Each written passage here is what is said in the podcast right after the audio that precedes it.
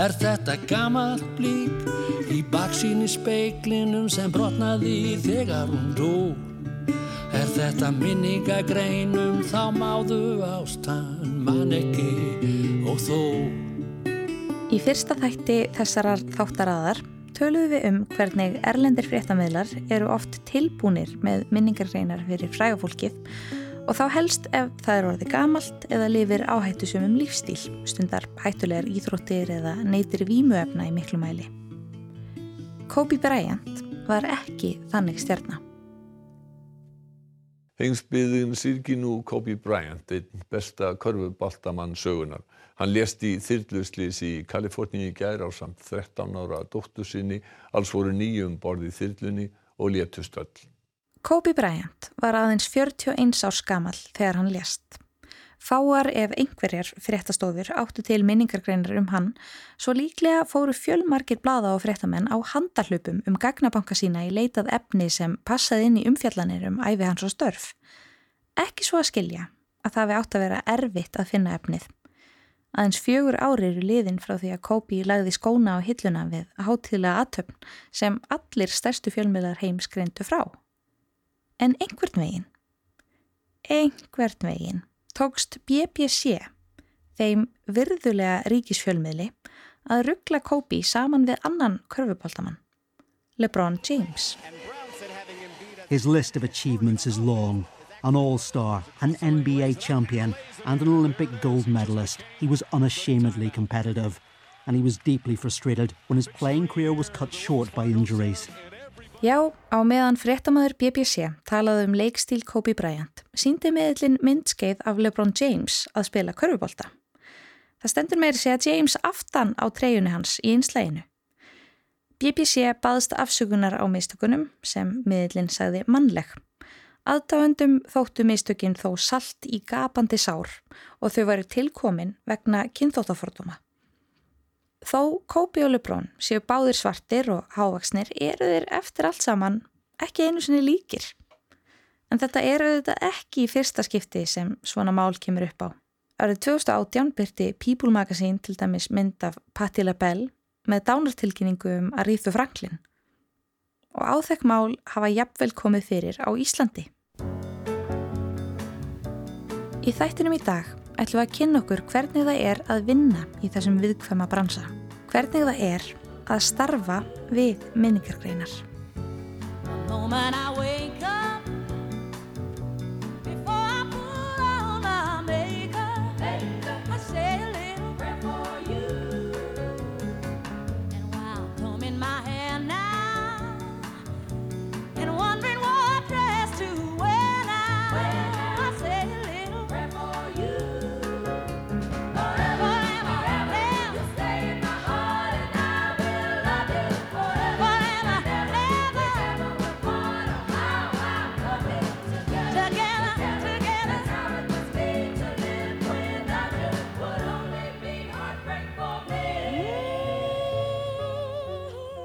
Styrmir Gunnarsson hóf fyrst störf á morgunblæðinu árið 1965. Hann var riðstjórnblæðsins lengst af ásamt Mattiasi Jóhannesen frá 1972 og fram á vor 2008. Hann hefur skrifað nokkrar bækur en utan morgunblæðsins hefur hann aðeins átt einn annan vinnustaf. Fjós upp í borgarverði. Þetta voru hvort ekki mjög skemmtilega vinnustafir en fjósi skemmtilegra. En voru þeir svipaðir á einhvern nátt? Ég kannski má segja þegar við sýpari því lítið til að, að hérna í fjósuna var ég að móka flórin og svo getur maður veldið fyrir sig hvort að morgumblaði hefur það að móka þjóðarflórin en það er nú annar mál. Þó Styrmir hafi aldrei starfað við minningargreinar með beinum hætti var hann ábyrgur fyrir þeim sem reyðstjóri.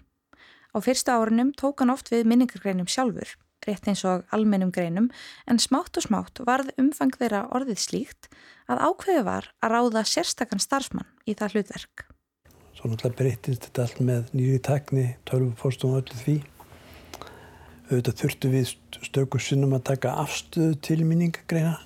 Það er að segja efnið þeirra, hvort það væri lægi að byrta eitthvað og, og, hérna, og þá kom það til okkar kasta að ákveða það. Ég myndi nú ekki segja að það hefði mikið breyting orðið að þessu leiti á þessum tíma sem ég vann, á blæðinu. Það var skar ég segja þér eh, þá þegar sem þetta á viðröstnar árátögnum að þá voru minningagreinar orðnan mjög svona fastur þáttur í blaðinu. Það var svo mikið um endutekningar í greinunum og eftir að þeim fjölgaði og það var orðið erfiðar að finna pláss fyrir þær að þá tókuðu upp þann hátt að sapna saman upplýsingum um æfi feril fólks í svona ákveðin formóla þannig að það var ekki allir minningagreina höfundar að rekja æfi feril hins látna. Og það, þar möður það er kannski svolítið persónleiri af því að staðnýndin er um lífhórs og lífsferil voru komnar semst, í, í formálsorðum að þessum greinum En var oft tekist á um minningagreinar? Var þetta eitthvað svona, voru kom upp mörg álita efni í kringu þeir? Það var ekki oft en það kom fyrir svona stöku sinnum að það var eitthvað sem að þurfti að, að, að lagfæra. Eins og hvað? Ég get nú ekki sagt að ég muni eftir einhverjum ákveðnum tilvíkum en ég meina stundum kannski urðuðu minningagreinar full persónlegar. Stundum kannski bara var óvið eigandi að segja eitthvað sem höfundurinn kannski hafði ekki átt að sjá. Menn það er ekki sama hvernig talað er um fólklátið. Það skiptir máli og þeir sem eru kannski vanari að meta slíkt þeir sjá það betur heldur en kannski þeir sem að kannski skrifa svona greinar töður skipti afinni.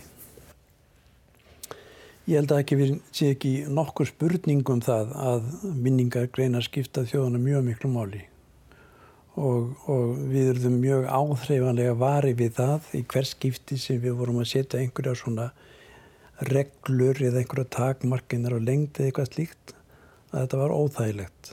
Fólki fannst þetta óþægilegt. Þegar ég var ungur þá skildi ég ekki þetta með minningagreinar og fannst þetta svona heldur þúnt efni en smátt og smátt voru ég að gera mig grein fyrir því hvað þetta var óbúslega mikilvægt fyrir morgunblæði að vera þessi vettongur fyrir þjóðuna til þess að minnast hinn að látnu. Mér finnst ég varðla heilnja hálfur maður og heldur ósjálfbjarga því er ver. Ef værir þú hjá mér vild ég gladur verða betri en ég er. Eitt sinn verða allir menn að deyja. Eftir bjartan daginn kemur nótt. Ég harma það en samt ég verða að segja Að sumarið líður allt og fljótt. Við gætum sungið gengiðum Glemt okkur hjá blómunum Er rökkva ráðið stjörnumál. Gengdi saman hönd í hönd Hælátt farið niður á strönd. Fundist að samin að böggja sál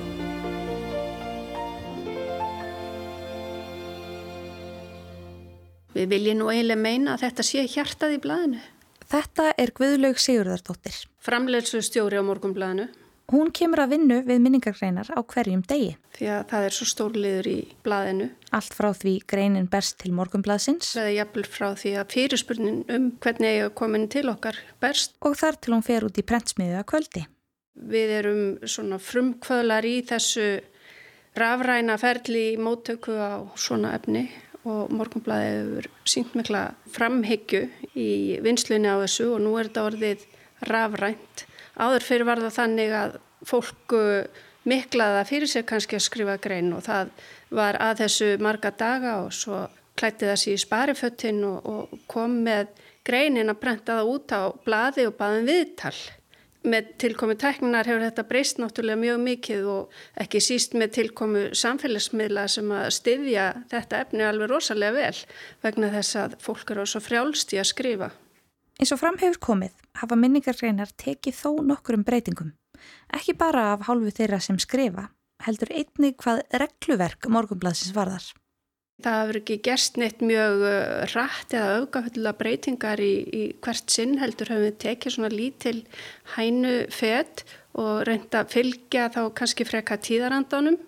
Sumum svona eldri kynsluðinni hafa fundist þetta eh, ekki kannski jákvæða breytingar eða fundist erfitt að bakka út úr því sem áður var en fyrir þá sem að eru að skrifa mest núna sem að hefur náttúrulega farið fjölgandi með áránum þá er allt aðgengi og aðkoma að þessu miklu þægilegri en hefur nokk tíman verið áður. Þetta var nú oftast fyrst þannig að uh, það voru einhverjir sem að tóku kannski að sér skrifum eitthvað svona merkis fólk sem fannst þurfa að segja frá og þá voru það ekki nánustu aðstendendur heldur einhver utan að komandi sem jáfnvel fenginn til að skrifa og skrifa þá jáfnvel í einhvern svona heimildarsögu stíl eða slíkt en núna að þá bara skrifa allir sem að vilja skrifa. Það eru engar hamlur á því nema morgunblæði gerir alltaf kröfur um ákveðna framsetningu að það sé vel frágengið og, og undirskrifa að það er enginn sem skrifar undir neinum dullnefnum en allt yfirbræð greinana er orðið miklu frjálslegra og nú eru börn og barnabörn og tengdabörn allir farnir að skrifa. Þannig að það hefur breyst mjög mikið að því leiti.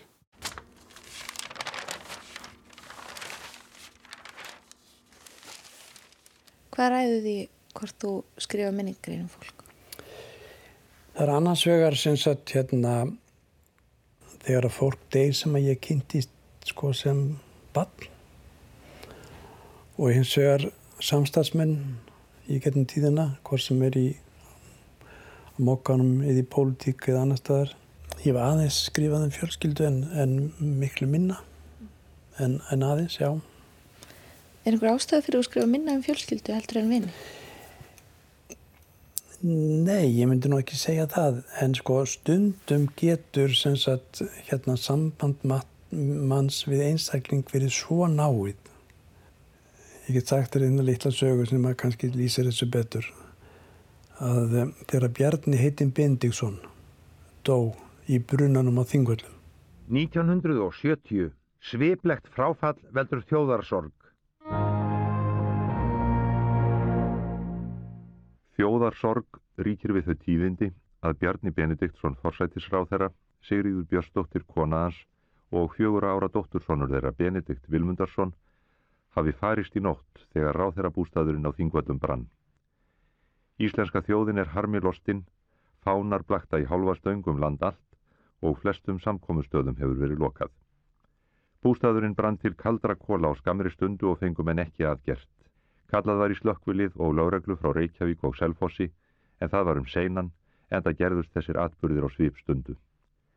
Ekki er kunnugt um eldsupptök. Að þá satt ég hér í næsta húsi þar sem að tengdafæði minn Fimboður Útur Valdimarsson sem hafi verið þingmaður fyrir sósirstaflokkinu aldrei við bandalæðið og mikill pólitískur anstæðingu bjarna en um leið hafi verið mjög náinn mínátt á millið þeirra. Þeir voru saman í Berlín hérna fyrir sagt, stríð og áður en Hitler kom til valda.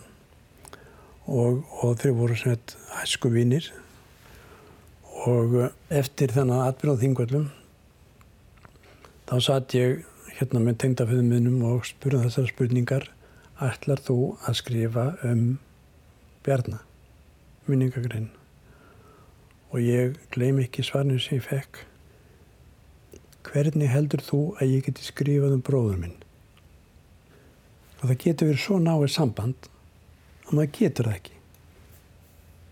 Það eru fæst í aukan til þess að börn skrifum fóröldra sína og það er nokkur langt síðan það byrjaði en það er svona með, það er með yngri kynsluðum sko sem það kemur og ég segi fyrir mína part að ég sé ekkert aðtöfart í það en ég geti það ekki sko. Það eru engin annar fjölmiðl á landinu eða bara jafnvel á heimsvísu sem að sinnir fólki svona jafnvel og morgunblæði gerir allt frá vöggu til gravar því að við erum ekki bara með minningagreina, við segjum líka frá fæðingum og ammælum.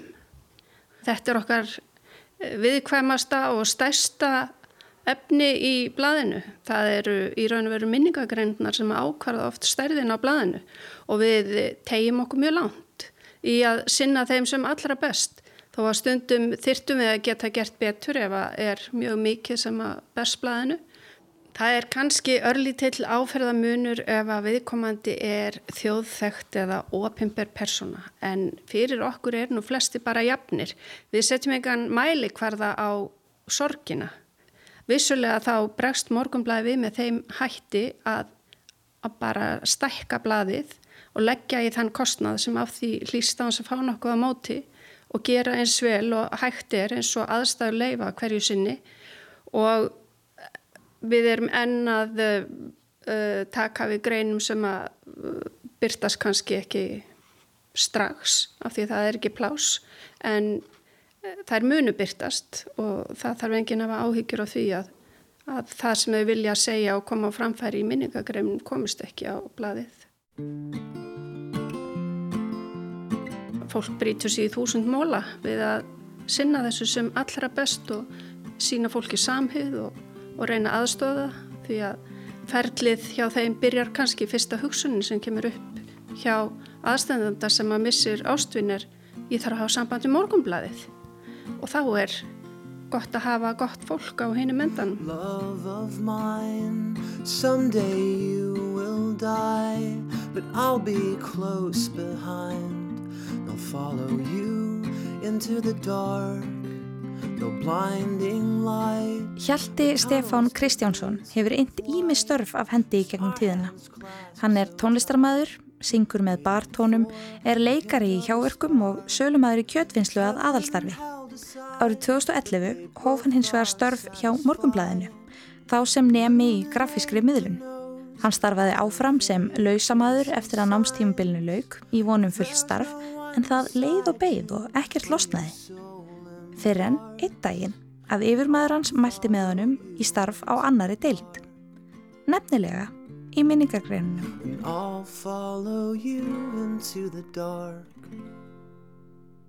Í grunninn er þetta að taka við greinum, flokka þær, raða þeim, yfirfara þær, gróf prófarka lesa þær, leiðrétta það sem leiðrétta þarf og hafa þá samband við aðstandendur. Það er veist, svona stílfæring á eins og æfi ágripum þau eru svolítið först í stíl. Það er svolítið stór þáttur af þess að bara og svo einmitt eh, raða þessu upp eftir tengslum við hinn latna og passa að allir sé á réttum stað í rauninni. Hefur einhverja tölu á því hvað þú last cirka margar minningreinar yfir starfsæfina á minningreinar? Þetta þetta gæti auðvitað farið í einhverja tugi á hverjum degi ef mikið var að gera.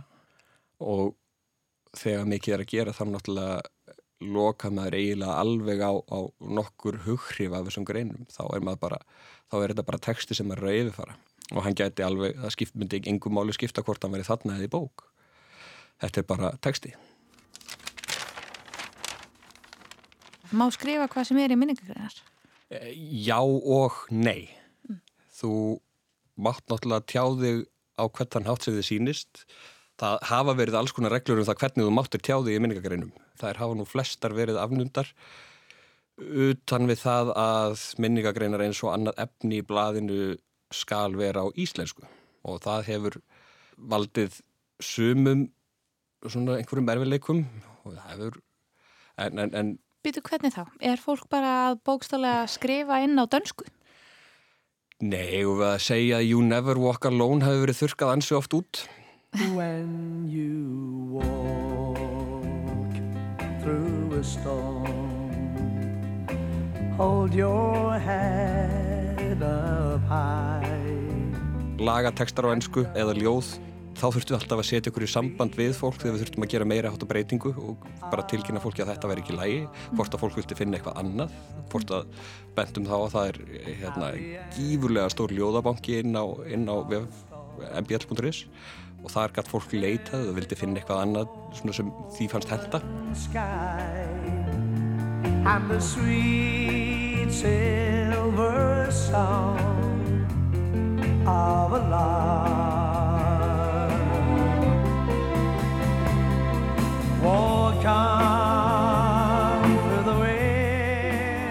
Sem sagt, þá má skrifa, það er eins og skáldið sagði, you'll never walk alone, svona eins og tilvittnum.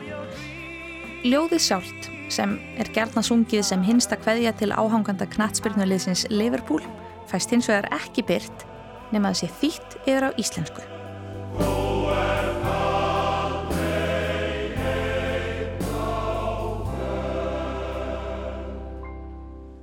Ávörp á, á ennsku voru ekki leifð og það ég man eftir atvikið þar sem það allir erfiðleikum og þá var það sem sagt e, kunningakona mín reyndar mm. sem var að, að hvaðið barnsföðu sinn sem var ennskur og ég hafði samband við hana því að hún hafði skrifað síðastu hvaðjuna á ennsku og ég tilkynnti það að það væri bara því miður ekki, ekki leifilegt og, og ég, ég hef ekki talað við hana síðan Þetta hefur komið svona íla við hana. Já, þetta endla, sirkjendur eru mjög ódreiknulegir eins og kannski gefur að skilja en það, það er rosalega mismunandi hvernig fólk tekur mótlæti þegar það er andlega óstabílt.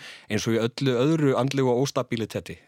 Þá eru sko sumir taka öllu með jafnaða geði en, en svo hefur líka, það hefur heyrst í mér vekkja, gabla á milli í húsinu þegar ég bókstaflega öskraði hástöfum í síman á mannesku sem var algjörlega farin og sko orðin svo reið, svo meiðandi og niðrandi í minngard persónulega mm. að ég þurfti bara að gera svo vel að öskra á móti og skella á. Það var bara sirkjandi sem var komin það langt í því að taka Já. sína sorg út á þér Já, náttúrulega eins og þú veist þá skiptist sorgin í ákveðin stig og það er engin ekkit og það, það er bara spurning hvort að þú hittir í fólk, fólk í afnættunastígi eða, eða móttöku, viðtökustígi eða, eða reyði það mm. er bara getur farið á hvern veg sem er og og ef fólk er á reyði stíu og það hefur gengið illa að koma hlutum frá sér og, og svo kemur ykkur veggur og það kemur ykkur maður sem segir bara, herðu þetta má ekki þá er náttúrulega augljóst að, að þar mun eitthvað bresta þegar það kemur ykkur manneskja sem segir bara eitthvað sem þú getur skeitt skapiðin á og ert á því stíi í sorginni þá, þá er eiginlega óhjákvæmilegt að þar muni steinin taka úr. Þó svo að Hjalti hafi einu sinni orgað á móti tók hann sirkjendum yfirleitt með jafnaðar geði og hlutekningu. Hann hafði enda sjálfur upplefað það að koma að lokuðum dyrum, vera neitað um byrtingu á minningargrein, nokkru áður en hann var ráðinn á morgumblæðið. Þá hafði ég sér sagt orft ljóð til að hvaðja vinminn sem ég stýmið sviplegu bílsleysi, nei, öll bílsleysi er náttúrulega sviplegu en hann sér sagt hafði bara sér sagt að keira með ferðaminn bara í árdaga þeirra bylgu nýkomið með meira próf kerði út af veginum, veldi bílnum dó sjálfur annar, ef ekki tvö með honum tvö örkumluðust þetta var alveg reyðaslag fyrir alla vinahópin eh, og ég það eina leiðin sem mér dætt í hug að tjá mig var í bundnum áli en þá fekk ég mitt símtal þess efnis að það mætti ekki. Mm. og ég gatt fyrir mína parta ekki ummorðað þetta. Ég gatt ekki komið þessu annar form. Þetta var það sem kom út um mér þegar það kom. Og uh, fyrir viki þá var ég bara ekki með. Mm. og skrifaður ekki minningar nei. Og bara sætti mig við það. Nú til dags getur hver sem er byrt frumsamið ljóð í minningargreinardálki morgunblæðsins Það má einnig þýða erlenda texta, ljóð eða hvæði en það má ekki breyta annara manna höfundarverkum. Sér hver draumur lifir aðeins eina nótt. Sér hver aldar í sem nýgur jafnan skjótt. Hverju orði fylgir þögn og þögnin hverfur allt of fljótt. En þó að augna blikið aldrei fyllir stund. Skaltu eiga við það mikilvægan fund? Því að tár sem þerra burt Aldrei næra græða grunn Líktu sér hvert sólarlag Sem þitt hinsta væri það. Því morgni eftir orð vísum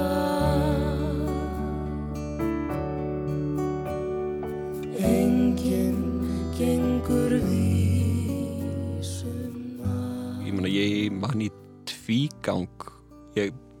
Hafði samband við tvö skald. Fyrst hafði ég samband við Braga Valdimar Skúlason og ég baði hann um að senda mér rétta útgáfu af uh, Lítu sér hvert sólalag ég vildi hafa það skráð í hljóðabankunum hjá okkur og ég vildi að það væri rétt af því að það er eftir nú eitt fallegasta ljóð þessar aldar vil ég meina. Uh, svo ringdi ég í Bubba Mortens.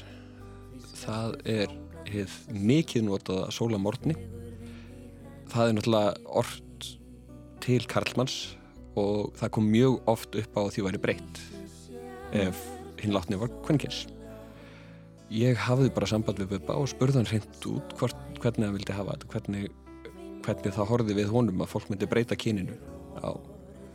Og hann setti sig alfarið upp á móti því því að hann ortið þetta við andlátt til ákveðins einstaklings.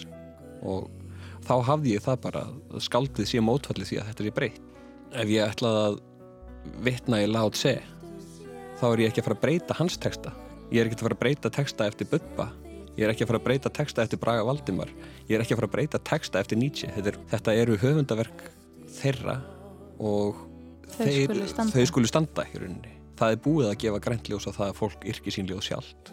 Og ef fólk vil ekki gera það og velja ljóð þá verður það að byrta þau eins og þau koma fyrir.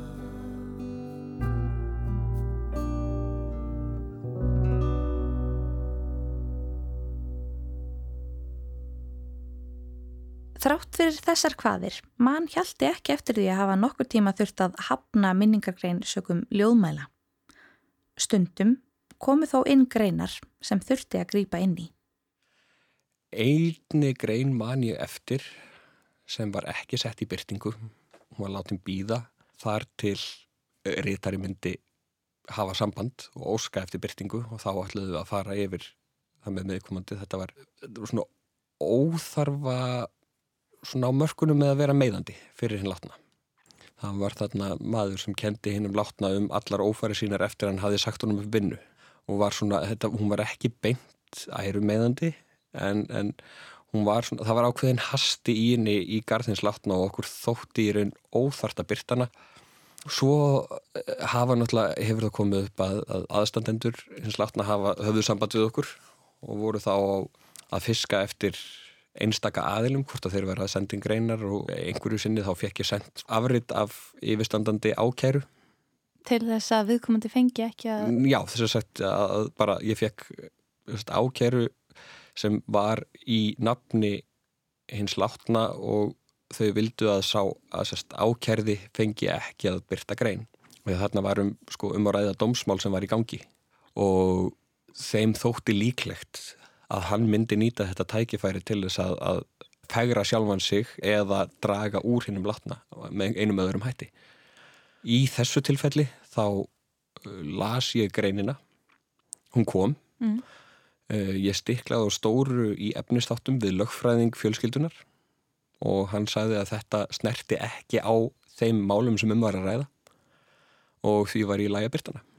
Og þetta var í rauninni eina skiptið á þessum þreymur árum sem ég fjekk samþykki frá reyðstjóra til þess að grýpa inn í ef skekkinni því að þarna var jú yfirstandið dómsmáli gangi. Í, í, í flestum tilfellum þá var þetta bara þannig að ég hafði samband með erindi úr því að leist mm -hmm. á mhm. einn eða annan hátt. Það verður ekki oft sem svona hlutir komið upp á. Á þreymur árum þá sapnist í sarpin.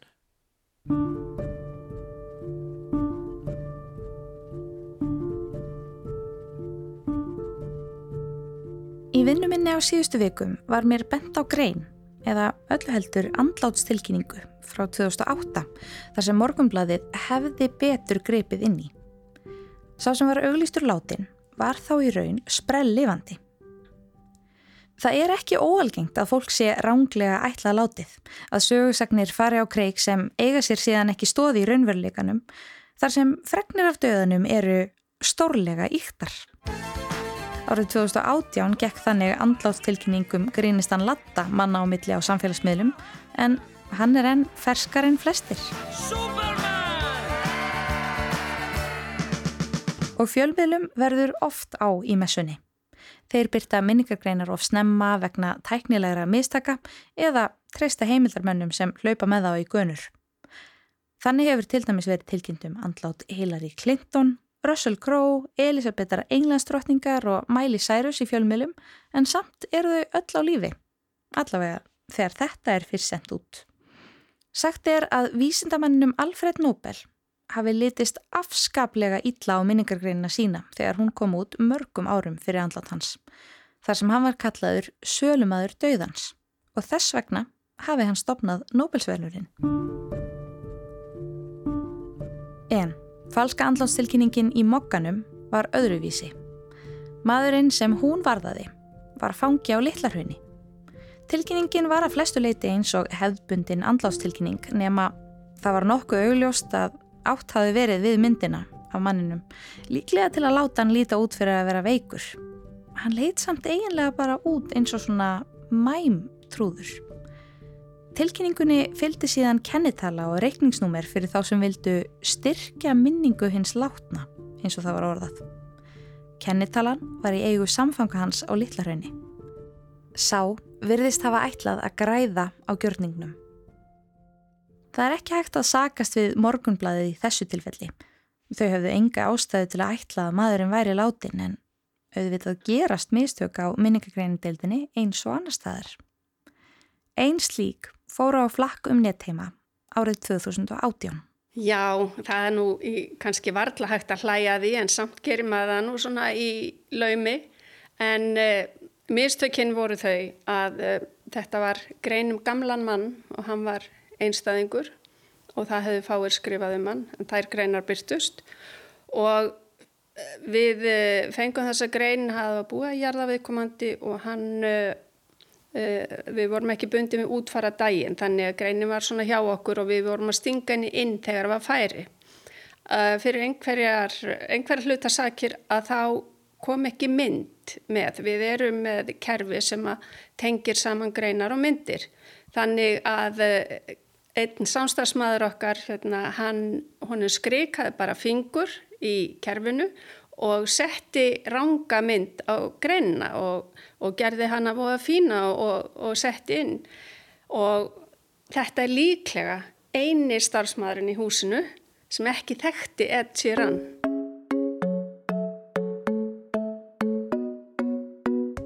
Upp á klukkan 6 um morgunin að þá byrjaði Facebook að tikka hjá mér og þá byrjuði allir æpa. Vistu það mynda Ed Sheeran í morgunblæðinu í minningagrein og ég fór náttúrulega að skoða það í blæðið af því að þetta var gengið frá þessu eftir á, eftir að allir voru farnir heim. Þess vegna höfðum við ekki tjekkað af en annars er allt prófakalesið og allar síðu tjekkaðar, myndir eru stemdar af, hún eigi við rétta grein og þess áttar. En í þessu tilfelli að þá fórst það fyrir vegna þess að hún var unnin svo sent á kvöldi. Nefna að uh, þessi góði maður tók sem sagt vittlösa mynd af honum Ed Sheeran. I'm in love with the shape of you. We push and pull like a magnet do. Although my heart is falling too. I'm in love with your body. And last night you were in my room. And now my bed sheets smell like you. Every day discovering something brand new. Well, I'm in love with your body. oh, I,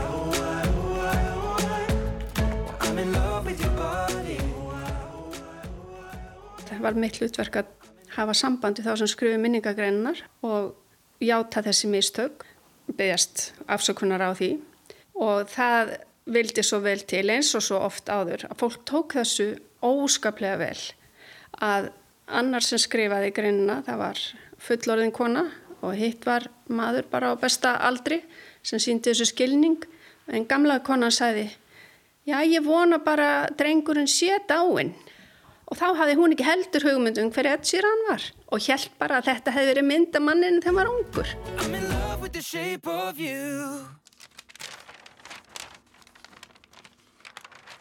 Heilt yfir verða mjög jákvæð lífsæsla og í rauninni opnaði mann svolítið fyrir dauðanum sem slíkum og ég hef eftir þetta mjög blákalda afstöðu gagvart dauðanum. Þetta er bara eitthvað sem gerist.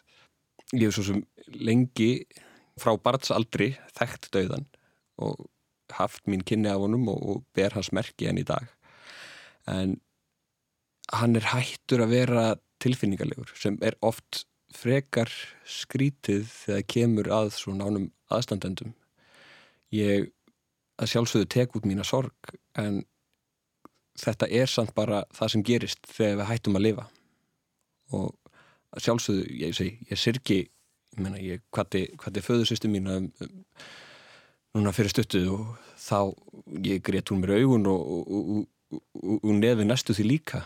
En ég meina, veldi mér upp úr minningum en sko í aðdragandanum þá, þá var þetta bara það sem var að gerast. Og eftir á þá var þetta bara það sem var búið að gerast. Ég er voðalega mikið hættur að velta mér upp úr döðanum og búin að leggja inn fyrirmælum það hvernig mér skuli háttað eftir að ég hrekk upp af. Nú, hvað er planið? Planið er að mig á að brenna og öskuna á að dreifa og engin minnismerkir skal reysa ég er bara eitt lítið afsakaðu, ég ætla að fara í hljóðuranagýrin ég er bara eitt lítið pínulítið kottn í stundaglasi heimsins og ég hef ekki eftir að skipta neinu máli eftir að þeir sem muna eftir mér eru döði líka. En ef þú ert búin að skipleika þetta Já. hvað á þá að standa í minningagreininni? Mér er alveg nokk sem með það. Fólk má skrifa þess að það vill.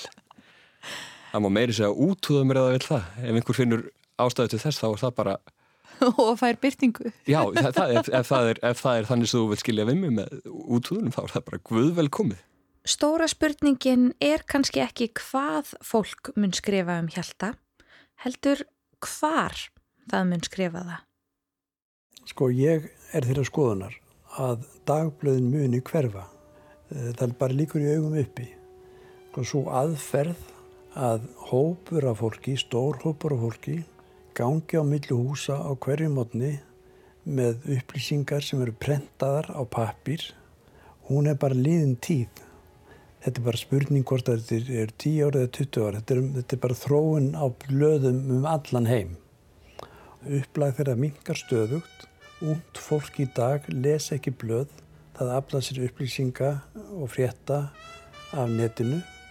Þannig að þetta er bara þróun tímans og við getum ekkert við því gert. Mér finnst það svolítið merkir þetta því ég held sko að bækurna myndu fara sömu leið. En það er eins og bókin hafi lífnað við aftur að rafrænu bækurnar að þær hafi ekki náð þeirri fótfestu sem að maður held á tímambili að þær myndu ná.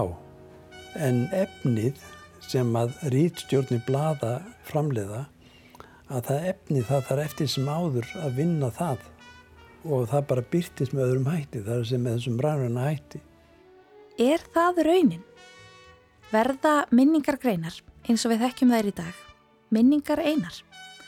eða eru fregnir af yfirvofandi dauða dagbladana stórlega yktar? Fylgis með í næsta þætti, loka þætti þessarar þáttaraðar þar sem við íhugum hvað framtíðin ber í skauti sér fyrir minningargreinar.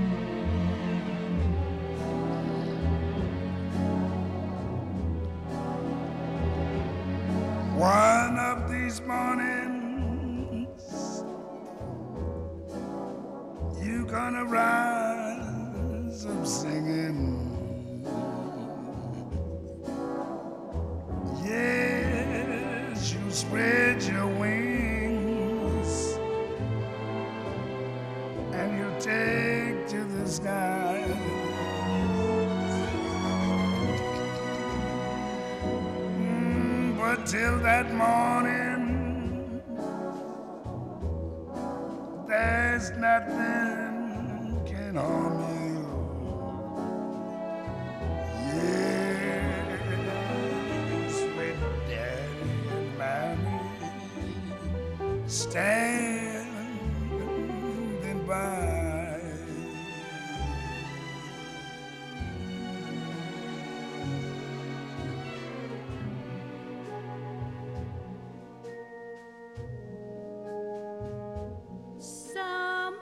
down.